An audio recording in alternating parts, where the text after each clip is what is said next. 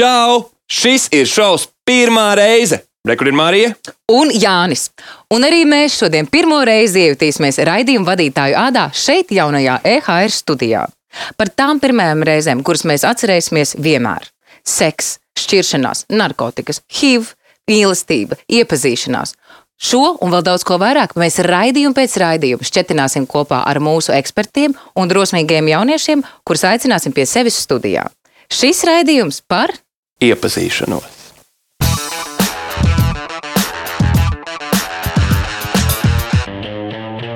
Šodien es uh, pastāstīšu savus draugus stāstu uh, par pirmo satikšanās reizi, kad viņi iepazinās ar kādu Tinder čali. Draudzene, sauksim viņu par Elīnu. Viņai nesen bija palikuši 18 gadi. Uh, viņa tur uzsāka sarunu ar šķietami pievilcīgu puisi. Sauksim viņu par Māri. Uzsākot sarunu, radās iespējas, uh, ka Elīnai ar viņu ir daudz kopīgu interešu. Arī pēc foto Māris izskatījās simpātisks un kopumā perfekts puisis, lai ar viņu satiktos. Elīna un Māris pēc nedēļas ilg ilgas sarakstes beidzot izdomāja satikties, jo viņš viņu uzaicināja randiņā uz vīna degustāciju. Tad pienāca atr- atrunātais laiks, pulksten septiņi. Viņa nosūtīja Mārim ziņu, taču atbildi nesaņēma. Pēc vēl pāris desmit minūtēm viņa sāka satraukties, bet tad negaidīti no muguras viņu sabiedēja ā, kāds aptuveni 14 gadīgs vīrietis. Viņa domāja, ka iespējams tā ir kļūda, bet viņš viņu uzrunāja vārdā, un tad viņa saprata, ar ko viņa bija sarakstījusies visu šo laiku. Viņa teica, ka Mārcis neizskatās pēc savas Tinder bildes, un, un uz ko viņa saņēma atbildi, ka visi bildēs izskatās citādāk, un tas ir normāli. Pēc atteikuma doties randiņā, Elīna mēģināja doties projām, jo nejūtās ērti viņa klātbūtnē. Bet vīrietis lūdza Elīnu ļauties uz īsu pastaigu, kas ir mazākais, ko, viņa, ko viņš var dot randiņa vietā. Pēc desmit minūtēm, staigājot pa šķietami pazīstamajām vecrīgas ielām, Māris saka, ka abi ir gluži netālu no viņa dzīvokļa. Diez kā tas gadījās. Un aicināja Elīnu uz glāzi vīna mājās. Elīna saprata, ka Māra uzvedība ir aizdomīga un ā, nevēlējās būt redzama šādā situācijā, tāpēc neko nepasakot, beidzot pagriezās un aizskrēja uz otru pusi. Mājās meitene secināja, ka Māris ir izmantojis savu jaunākā dēla foto Tinder aplikācijā. Tāpēc ir jābūt uzmanīgiem, kad mēs sarakstāmies ar nepazīstamiem cilvēkiem, jo mēs nekad nezinām, kas ir ā, ekrāna otrā pusē.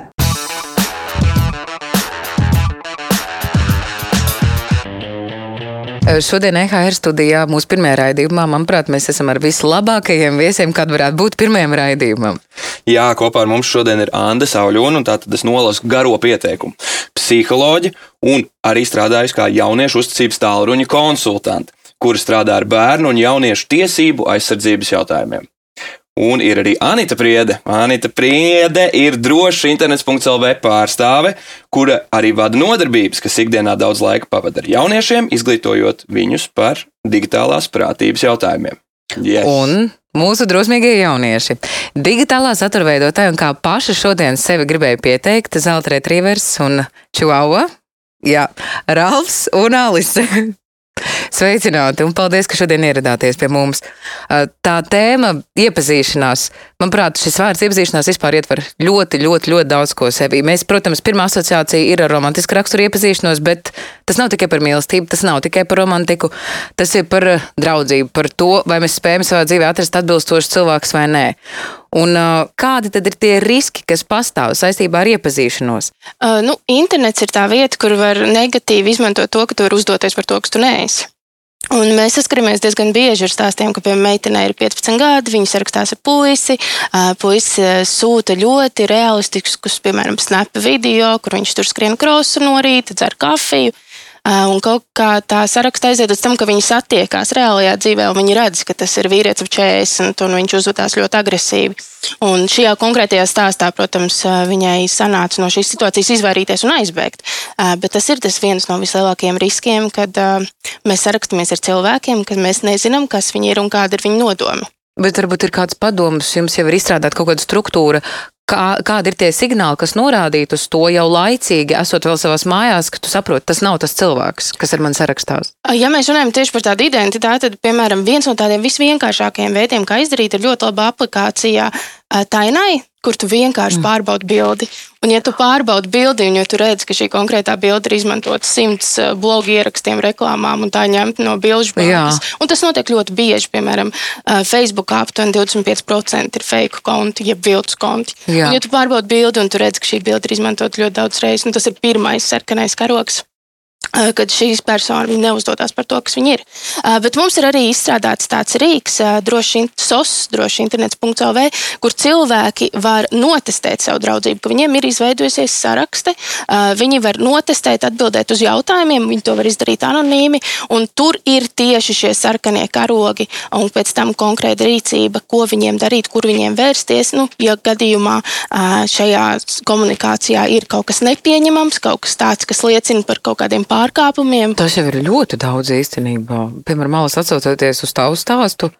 Kaut gan arī, bet redz, Alisai bija stāsts par to, ka, ka viņas paziņai, draudzenei, viņa satikās caur Tinderi ar, ar puisi, kas beigās bija vīrietis, kurš izmantoja sava dēla fotografiju. Un šajā gadījumā tad līdz ar to tā nav vispār izplatīta fotografija. Vai tad te, te nevarētu noteikt, noteikt, un tas ir tas procents, kas izlīd cauri?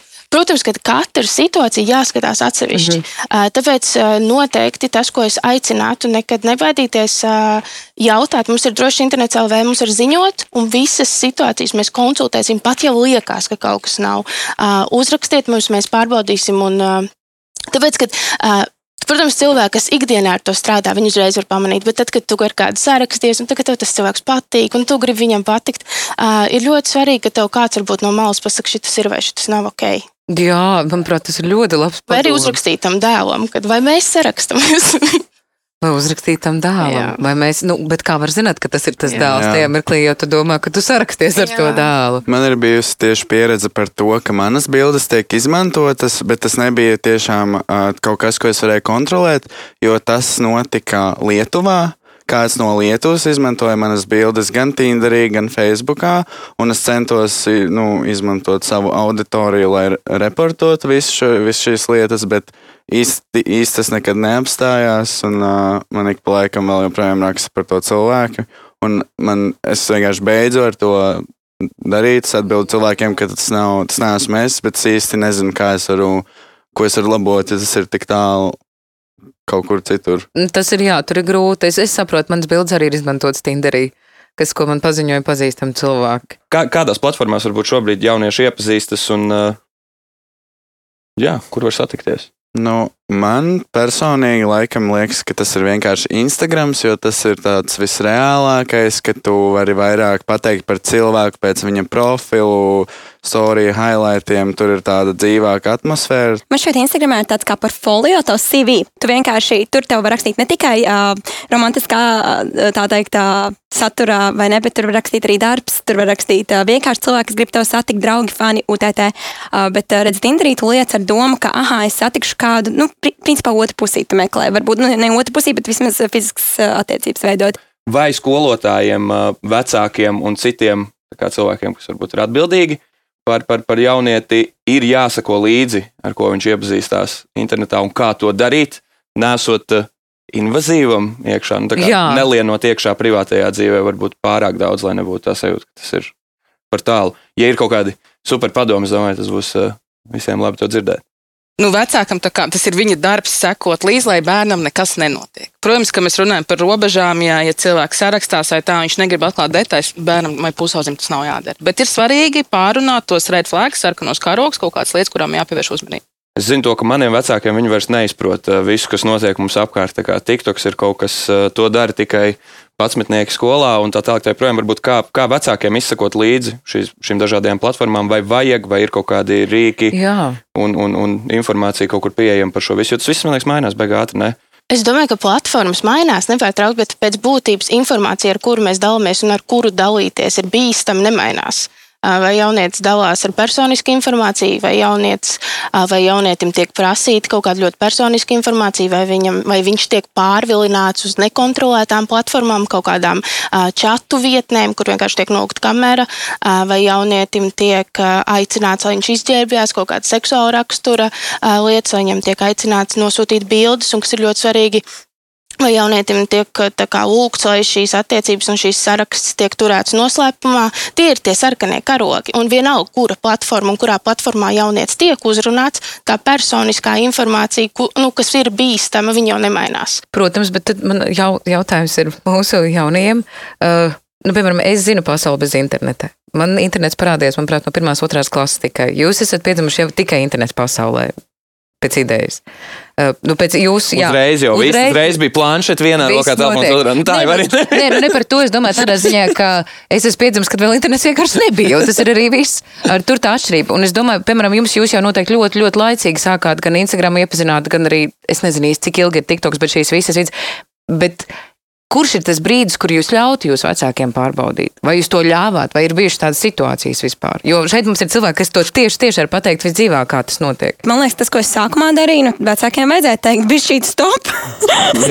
jo es pati skatos, es biju pats skatos apkārt, un tāds, ak, Dievs, nu šito taču reāli darba devēja nākotnē redzētu ārprāts. Bet, uh, nu, kaut kā viņi man uzticējās, un, un, un uh, tas tā viegli gāja, es pati iemācījos, es pati kļūdījos, un pašmācības ceļā sapratu un izfil- izfiltrēju, kas ir uh, jā internetam, kas ir nē.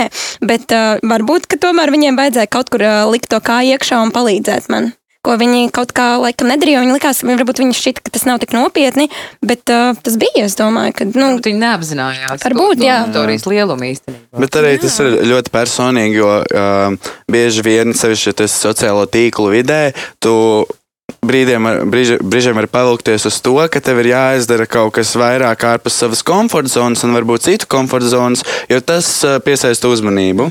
Un, uh, man ir bijušas problēmas ar to, ka ne, ir bijuši brīži, kad es nezinu, kurā brīdī man pašam vajadzētu apstāties, kurš ir tas brīdis, kas tā kā vecākiem nav ok, bet, pieņemsim, mana vecuma cilvēkiem liekas ok, un kur tā kā jau nevienam tas nav ok. Tā, tā, tā, ir, tā ir bijusi arī. Nevienam problēma. nav ok. Tad, vai tu esi saskāries ar mobbingu interneta vidē? Kurš nav? Kurš nav? Kurš nav, ne, man ir draudējuši, ka man vai- ne, nu, pat ne aicināšu, lai es tā izpašnāvību, piemēram, internetā. Oi, Ir Jā, tas ir. uh, Tas. Tā ir pirmdiena, jā, Jā, jā, ir jā, jā. šādi. Un tas jau, protams, tagad tas viss šķiet muļķīgi. Jo tā kā mums arī tās divi lielie vārdi, kas šodien ir, ir mobbings un ir grūmings. Kāda ir tā atšķirība vispār starp šiem Uh, diviem? Grūmings ir nepilngadīgs personas pavadināšana mm -hmm. internetā. Mob, uh, mobbings vairāk ir emocionāla pazemošana Jā. internetā. Tas būtu tas vienkāršākais un lielākā atšķirība.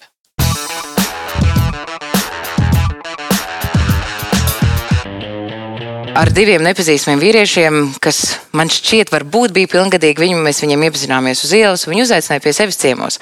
Tad, kad es ar draugu pie viņiem aizbraucām, mēs izteicām, ka viņi grib mūs seksuāli izmantot. Nevis izteicām, viņi vienkārši mums uzmācās. Uh, un tad es sapratu, ka vienīgais veids, kā no tās situācijas netapt izvarotai izvairīties, ir izlikties, ka es arī to gribu un pateikt, ieturam nelielu pauzi. Uh, mēs viņus piedzirdījām, piedzirdījām tā, ka viņi aizmiga. Varbūt izslēdzās, es nezinu, vai viņi ir dzīvi, man nav ne jausmas, bet es biju tik nikni uz viņiem, ka es viņiem nozaga divas pāris apavu un trīs alkohola pudeles un piecus eiro, kas stāvēja, vai tie bija lati tajā laikā. Tie bija lati, piecus latus, kas stāvēja uz galda.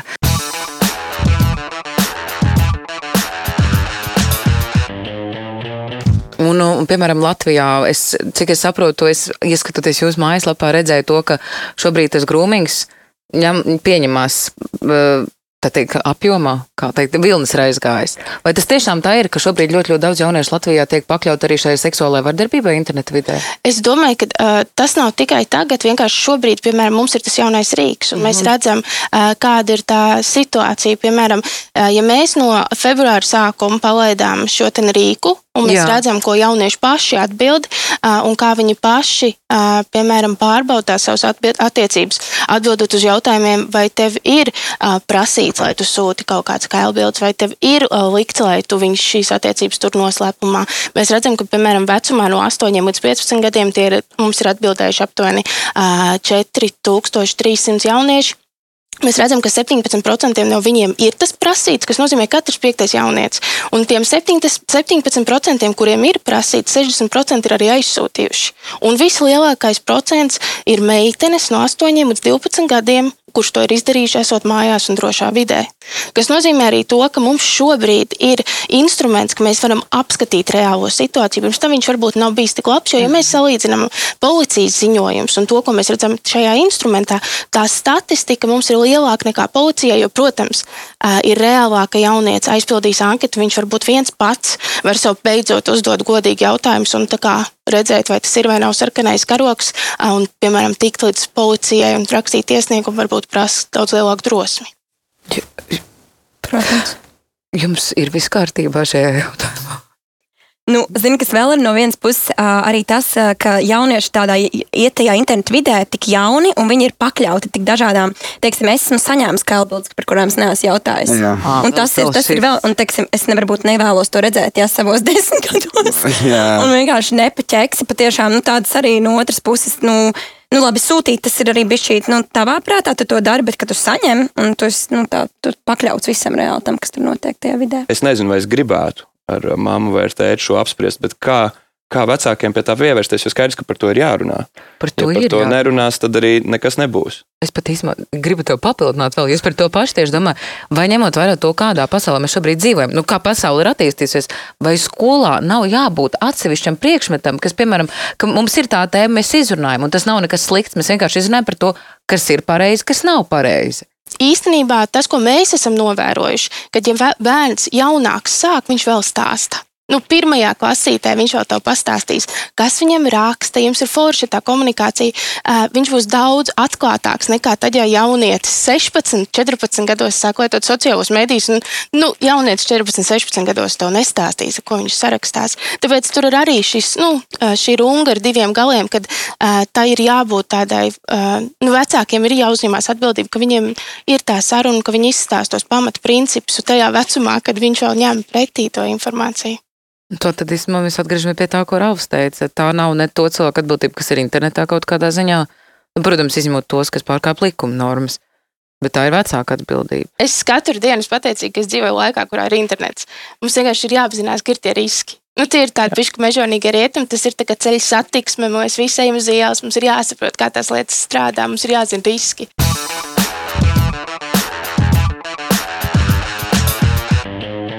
Šodien stāstīšu iepazīšanās stāstu, kas noteikti ir slikta pieredze un ko es vēlos, lai neviens nekad neatkārtotu. Mani pasauca uz uh, 20 gadnieku balīti, un es nezināju, ka tur būs vispār kaut kā, jebkāda saistība ar narkotikām. Es biju tik ļoti priecīgs, ka esmu tur ielūgts, kad esmu pieņemts tajā, un uzreiz tāds. Jā, esmu tik pieaudzis, tāpēc esmu šajā starp šiem 20 gadniekiem, uh, kuri man likās ļoti uh, ļoti īpaši, ļoti forši cilvēki. Un uh, tad sākās narkotika daļa, kad man piedāvāja narkotikas. Nebija tā, ka man kāds spied viņus lietot, bet uh, es kā cilvēks, kuram ir ļoti grūti pateikt nē, neteicu nē. Un, uh, Man liekas, ka es nomiršu, tādēļ, ka tad, kad es devos mājās, nebija gulējis visu to nakti, jo es īsti nevarēju pagulēt zem visu, tā, zem visu to narkotiku daudzumu, ko es uzņēmu pirmo reizi savā mūžā.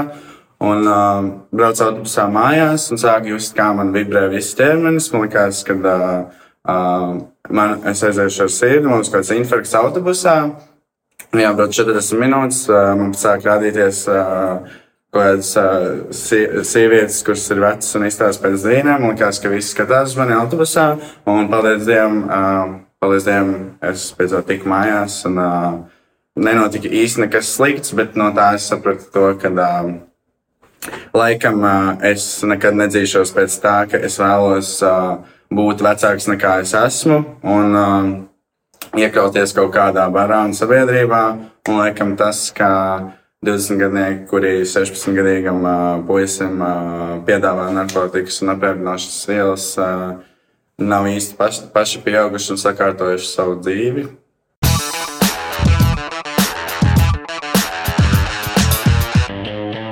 Iedomājieties, kādreiz, kā, kā, nu, kā, kā mēs bijām spiest iepazīties pagalmā. Ja?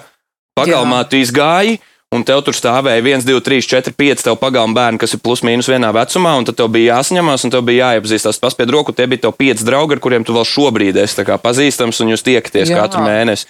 Tagad tu vari iepazīt 5000 cilvēku šitā.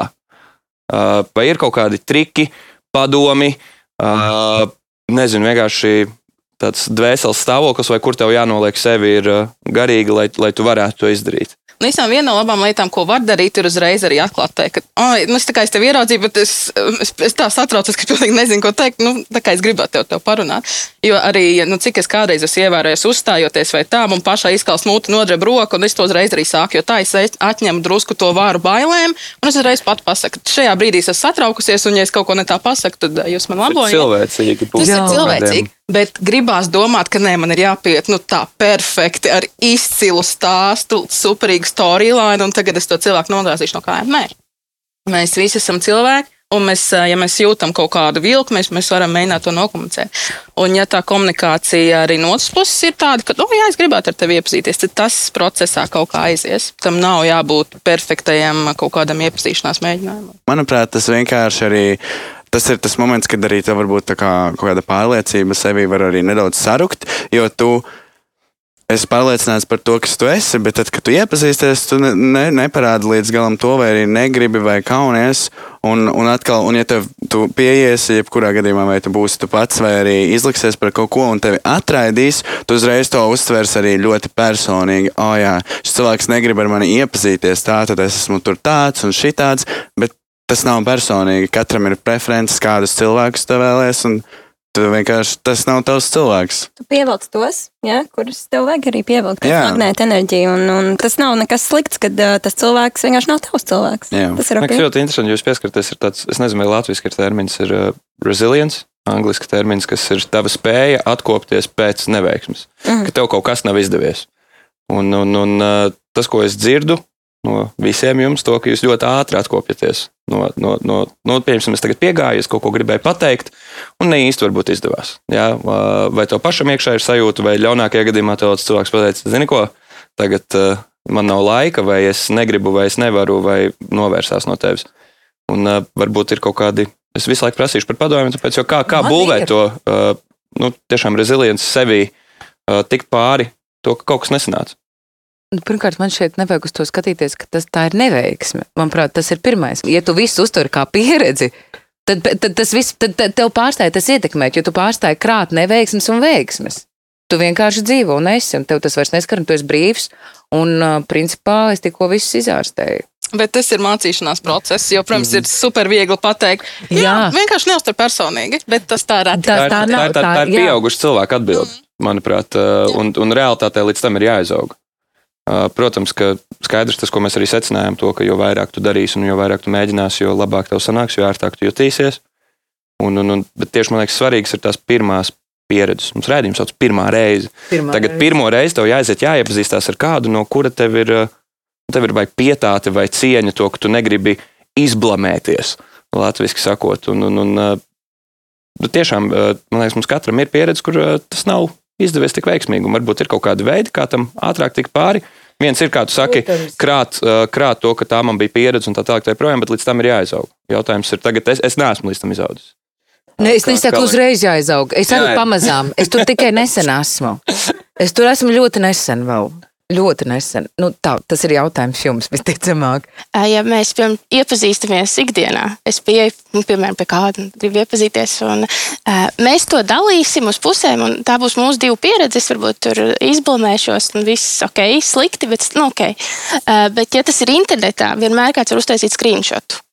Un tā ir lieta, kas mums ir jāatcerās, kad internets ir vide, kur mēs vairs nekontrolējam ļoti bieži to, ko mēs publicējam, ko mēs komentējam, ko mēs nosūtām, jo mums nav vispār šīs ten kontrols par to, vai kāds no tā neuztaisīs screenshotu. Tāpēc tas ir, tur man liekas, ir tāda mm, atšķirība, kad mēs ikdienā varam daudz vairāk blamēties nekā interneta vidē. Interneta vidē ir tik liels spiediens, jo tev ir jādomā par visu, ko tu saki. Jo pat ja kontekstā tu pateiksi kaut ko, kas kā, ir ok, cilvēkiem ļoti patīk izvilkt lietas no konteksta un uh, uzlikt to, kā, oh, jā, viņš pateica to, viņš ir slikts cilvēks. Viss tagad arī, arī visa cancel culture. kā, Tu izdari, tu cevišķi tev ir jau tā lielā atbildība, un tu esi tajā visā iekšā.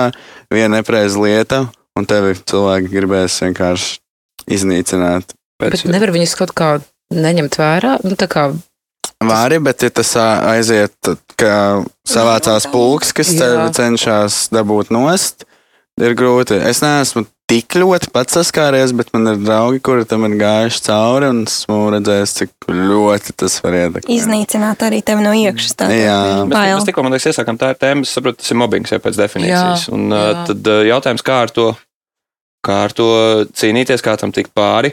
Uh, katram ir savas metodas. Es zinu, ka mums uh, kā grupai ir metode uz visdusmīgāko komentāru atbildēt ar vismīļāko lietu, atrast nedēļas dusmīgāko komentāru Jā, un atbildēt ar jā. vismīļāko veidu, kāds vien ir iespējams.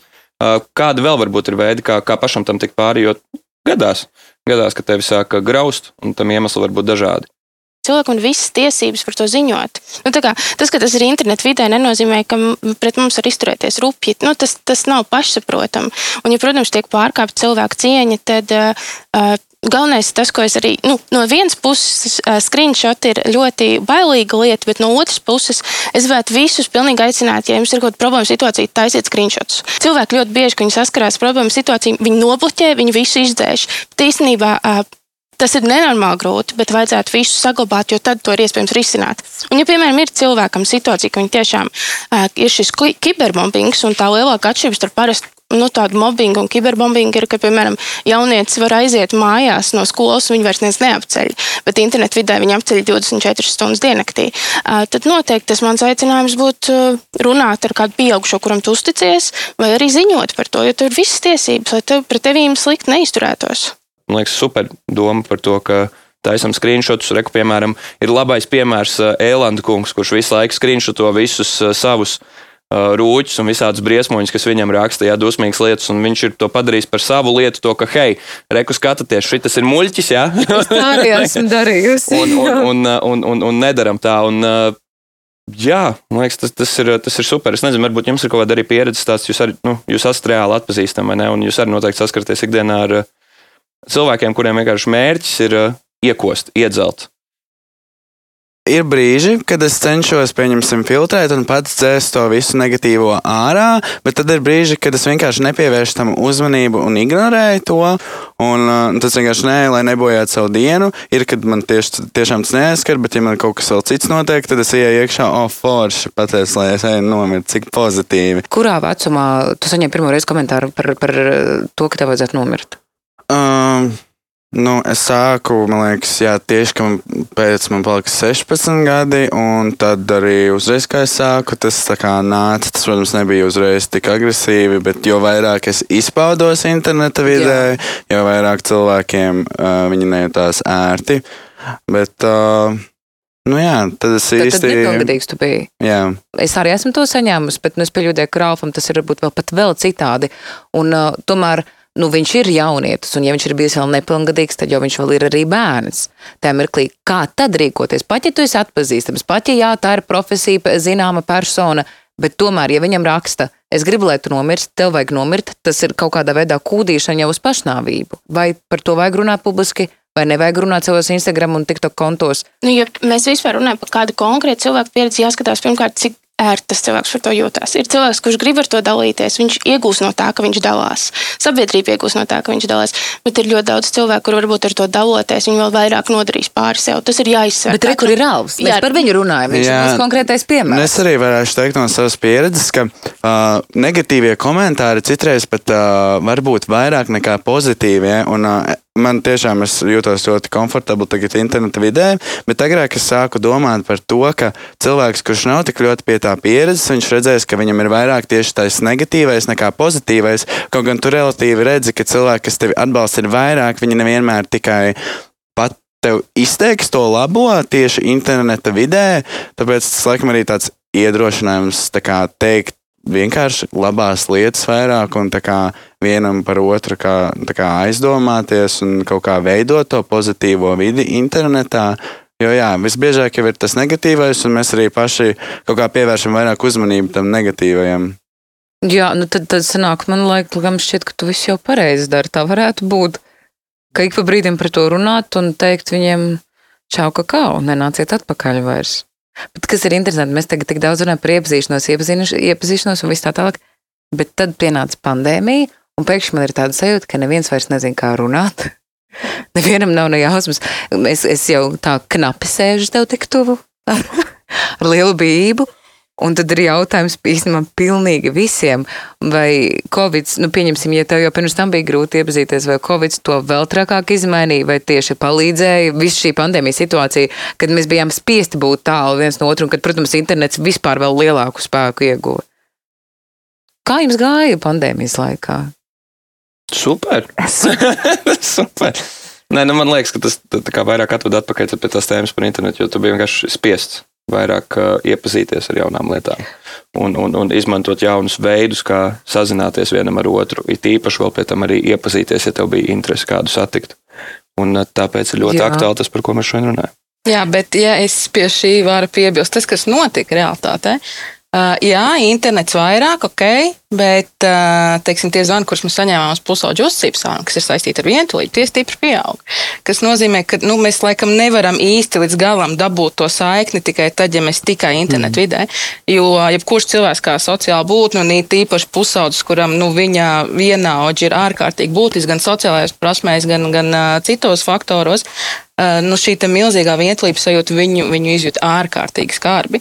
Un tas, kas notika tālāk, teiksim, ar citām kaut kādām emocionālām grūtībām, kas bija depresija, skumjas, vispār tāda, nu, izmisuma sajūta, tie zvani ārkārtīgi pieauga. Līdz ar to it kā internets ir, sazināties varam, pat ja nevaram tikties, bet tas neiedod līdz galam to feeling, to sajūtu, ka, nu, es esmu kopā ar saviem draugiem vai saviem vienaudžiem. Bet jums bija sarežģītāk tagad, kad beidzās pandēmija, kad atkal jau varēja tikties, un drīkstēja būt tuvāk par tiem diviem metriem. Varēja just to, ka ir nedaudz sarežģītāk. Jā. runāt ar, ar, ar vienaudžiem, vienalga īstenībā ar jebkuru cilvēku. Es teiktu, ka jā, varēja. Jo, nu, es saku, es izēju ārā, es biju pārsteigta redzēt, cilvēks bija nedaudz tāda, tāda awkward. Uh, Uh, tagad aizmirsu latviešu, bet nu, jā, nevienmēr jā. jā, tā jutos kaut kā dīvaini, ka cilvēki tik tuvu nāk. Kad, Jā, kad kā- cilvēki laimīgāki arī man bija tāds, ka, kāpēc viņi tā smaida uz mani? Kāpēc viņi tā skatās? Bet realitātē viss tie, tie smaidi, tas čau, tas sasveicināšanās nepa, nepazīstam cilvēku, nu tas nenotiek internetā. Acu skatiens, tas ir uh, dzīve cilvēku vajadzības. Tad dzīvē tomēr labāk. Tāds secinājums. Es iesaku visiem uh, nolādēt aplikāciju dzīve. Balans. Jā, dzīve, jā, un tur būt iekšā. Gaišā nots ir bijusi, un tagad uh, pats svarīgākais pēdējais jautājums, kur vērsties tad, ja ir problēmas ar iepazīšanos? Ko var darīt? Nosaucam ļoti īsi, ļoti konkrēti, lai mēs uzreiz zinātu, kur, kā un kāpēc. Nu, tā ļoti īsi bērnam pusauģu uzticības tālrunis 116, 111, 24 stundas diennaktī bezmaksas čats mājaslapā uzticības tālrunis.lv.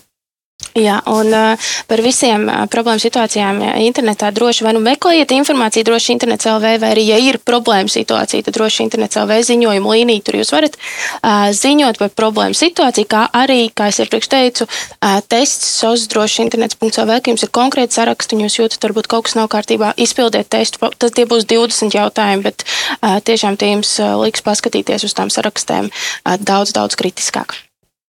Atbildes ir. Super! Un tad ejam draudzēties. Ejam draudzēties.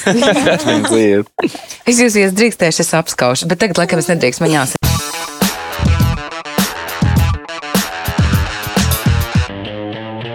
Paldies visiem, kas ar mums šodien bija kopā raidījumā. Pirmā reize Šī bija arī mūsu pirmā reize, Marija. Jānis. Un, ja tu gribi sekot līdzi mūsu otrajai, pirmajai reizei, trešajai un visām pārējām pirmajām reizēm, tad piesako EHR Facebook, Instagram, YouTube, TikTok, mājaslapā un arī lietotnē, kur būs visas pārējās pirmās reizes. Vēl Spotify. Tā kā tiekās! Čau! Skauju! Atā!